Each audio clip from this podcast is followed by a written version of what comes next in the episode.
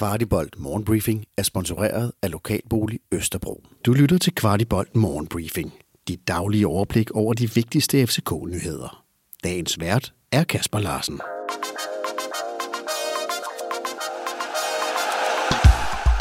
Onsdag den 17. august.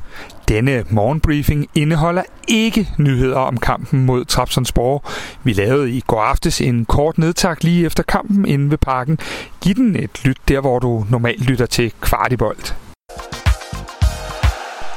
Vi taler meget i dette vindue om tilgange, men det er ikke nogen hemmelighed, at truppen er meget stor lige nu, og at der arbejdes på flere afgange. Vi har ført hørt om Mukairo, der var på vej til Belgien, at Singh har fået fri til at tale med en anden klub, og nu er det så også kommet frem, at vores stortalent Daniel Horbo er på vej ud.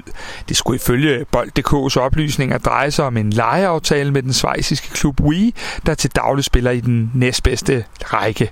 Kvartibold har længe været været fortaler for at bruge udlejninger af de unge, der vil have svært ved at få spilletid øh, til andre klubber, og denne løsning virker rigtig god for alle parter. Hvis det skulle være gået nogens næse forbi, så har vores dygtige U19-dreng lagt for land med en sejr på udbanen mod OB med hele 0-4. OB regnes ellers for at være et af de bedre hold i rækken, men blev kørt over af vores unge drenge, der blandt andet havde Odi Oskarsson og Rooney med fra A-truppen. Vores mål blev scoret af Emil Højlund, Thomas Jørgensen, Noah Sasa og min sanden, om det ikke også blev til et debutantmål af vores nye angriber Alexander Schimmelhak. Stærk start af ham og af holdet. FC København har allerede benyttet 24 spillere i denne sæson. Det er mere end to fulde hold. Tipsbladet har spurgt Jes Torup, om han famler efter at finde sin foretrukne. Til det svarer vores cheftræner, at det mere er et udtryk for en stor bredde. Når vi har så bred en trup, og det, at vi har mulighed for at have mange på bænken, gør også, at vi har flere muligheder fra kamp til kamp. Her på Kvartibold-redaktionen håber vi, at en lidt større stamme sætter sig, da kontinuitet skaber de bedste relationer, og relationer ofte er det med den spillestil, vi vil praktisere, som giver mest på det. Og så til en afvisning af FC København. Ifølge Bold.dk har AGF afvist bud på deres store talent Albert Grønbæk. Angiveligt har tre danske topklubber budt på ham, men AGF vil ikke sælge til andre danske klubber.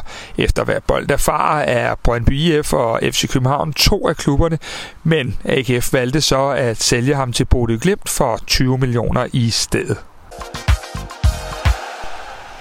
Rasmus Højlund er brandvarm i Østrig i øjeblikket. Han scorer mål på samlebånd, og det er nu også blevet bemærket af en tysk legende, der selv var en stor målscorer, nemlig Miroslav Klose.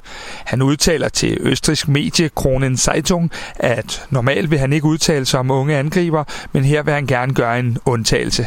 Rasmus er en interessant spiller med god timing. Han bevæger sig godt mellem linjerne, han har dybde og kombinerer fint med holdkammeraterne og kan få en rigtig god karriere.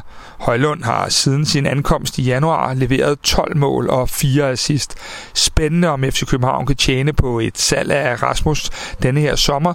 Han har jo i hvert fald tiltrukket sig opmærksomhed fra Klub Brygge, Celta Vigo, Newcastle samt flere italienske klubber. Kvartibolt Morgenbriefing var sponsoreret af Lokalbolig Østerbro. Du har lyttet til Kvartibolt Morgenbriefing. Vi er tilbage igen i morgen tidlig med byens bedste overblik over FCK-nyheder. Vi er meget interesserede i at vide, hvad du synes om vores morgenbriefing, og hvad vi kan gøre for at gøre den endnu bedre. Brug et par minutter på at give os feedback. Der ligger et link i shownoterne til et spørgeskema. Den her udsendelse kan kun blive til, fordi en del af vores lyttere støtter os med et lille måligt beløb. Vil du også støtte Kvartibold, så vi kan lave endnu mere kvalitetsindhold om FC København, så ligger der et link i shownoterne.